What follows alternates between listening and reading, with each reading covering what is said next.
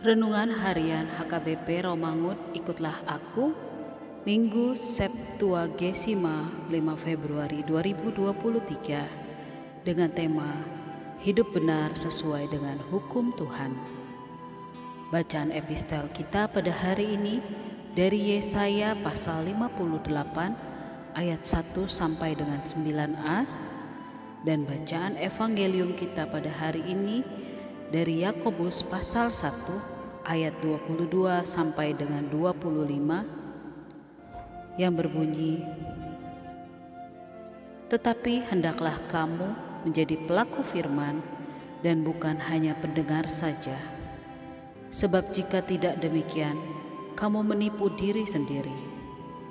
Sebab jika seorang hanya mendengar firman saja dan tidak melakukannya ia adalah seumpama seorang yang sedang mengamat-amati mukanya yang sebenarnya di depan cermin. Baru saja ia memandang dirinya, ia sudah pergi, atau ia segera lupa bagaimana rupanya. Tetapi barang siapa meneliti hukum yang sempurna, yaitu hukum yang memerdekakan orang, dan ia bertekun di dalamnya, jadi bukan hanya mendengar, untuk melupakannya, tetapi sungguh-sungguh melakukannya, ia akan berbahagia oleh perbuatannya. Demikian firman Tuhan. Sahabat, ikutlah aku yang dikasihi Tuhan Yesus. Kekristenan membutuhkan bukti nyata atas imannya melalui perbuatan, bukan hanya teori, karena orang Kristen dipanggil menjadi garam dunia dan terang dunia. Mendengar firman penting, tapi tidak cukup, karena mendengar belumlah mentaati firman. Sementara menjadi pelaku firman diungkapkan dalam apa yang kita lakukan atau buahkan dalam hidup ini. Sebab setiap orang percaya harus melakukan firman. Firman Tuhan dalam minggu ini mengajak orang percaya agar cepat mendengar dan lambat untuk marah, serta mengerjakan kebenaran dari firman.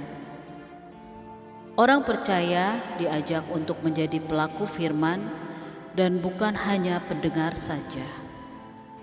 Karena orang yang mendengar tetapi tidak melakukan sama halnya menipu diri sendiri.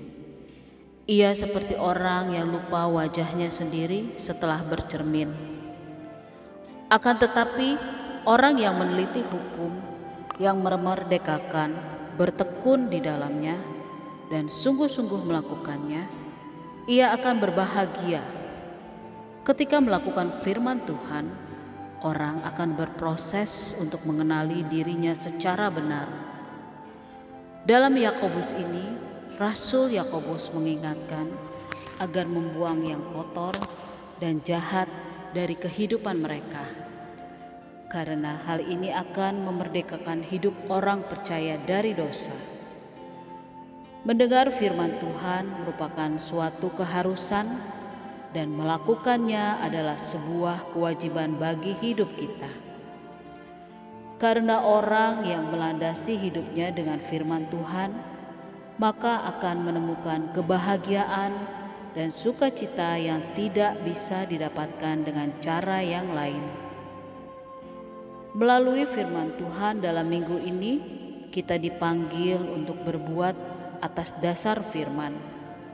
Ingatlah bahwa firman akan mengubah pikiran, hati, karakter hidup kita jika tetap setia.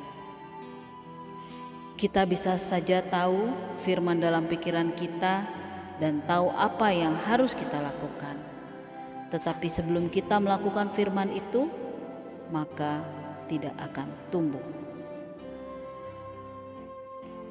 Marilah kita berdoa. Allah Bapa Maha Kasih, ajarilah kami untuk hidup benar di hadapan-Mu, sehingga hidup kami itu menjadi nyata sebagai pelaku atas firman Tuhan. Amin.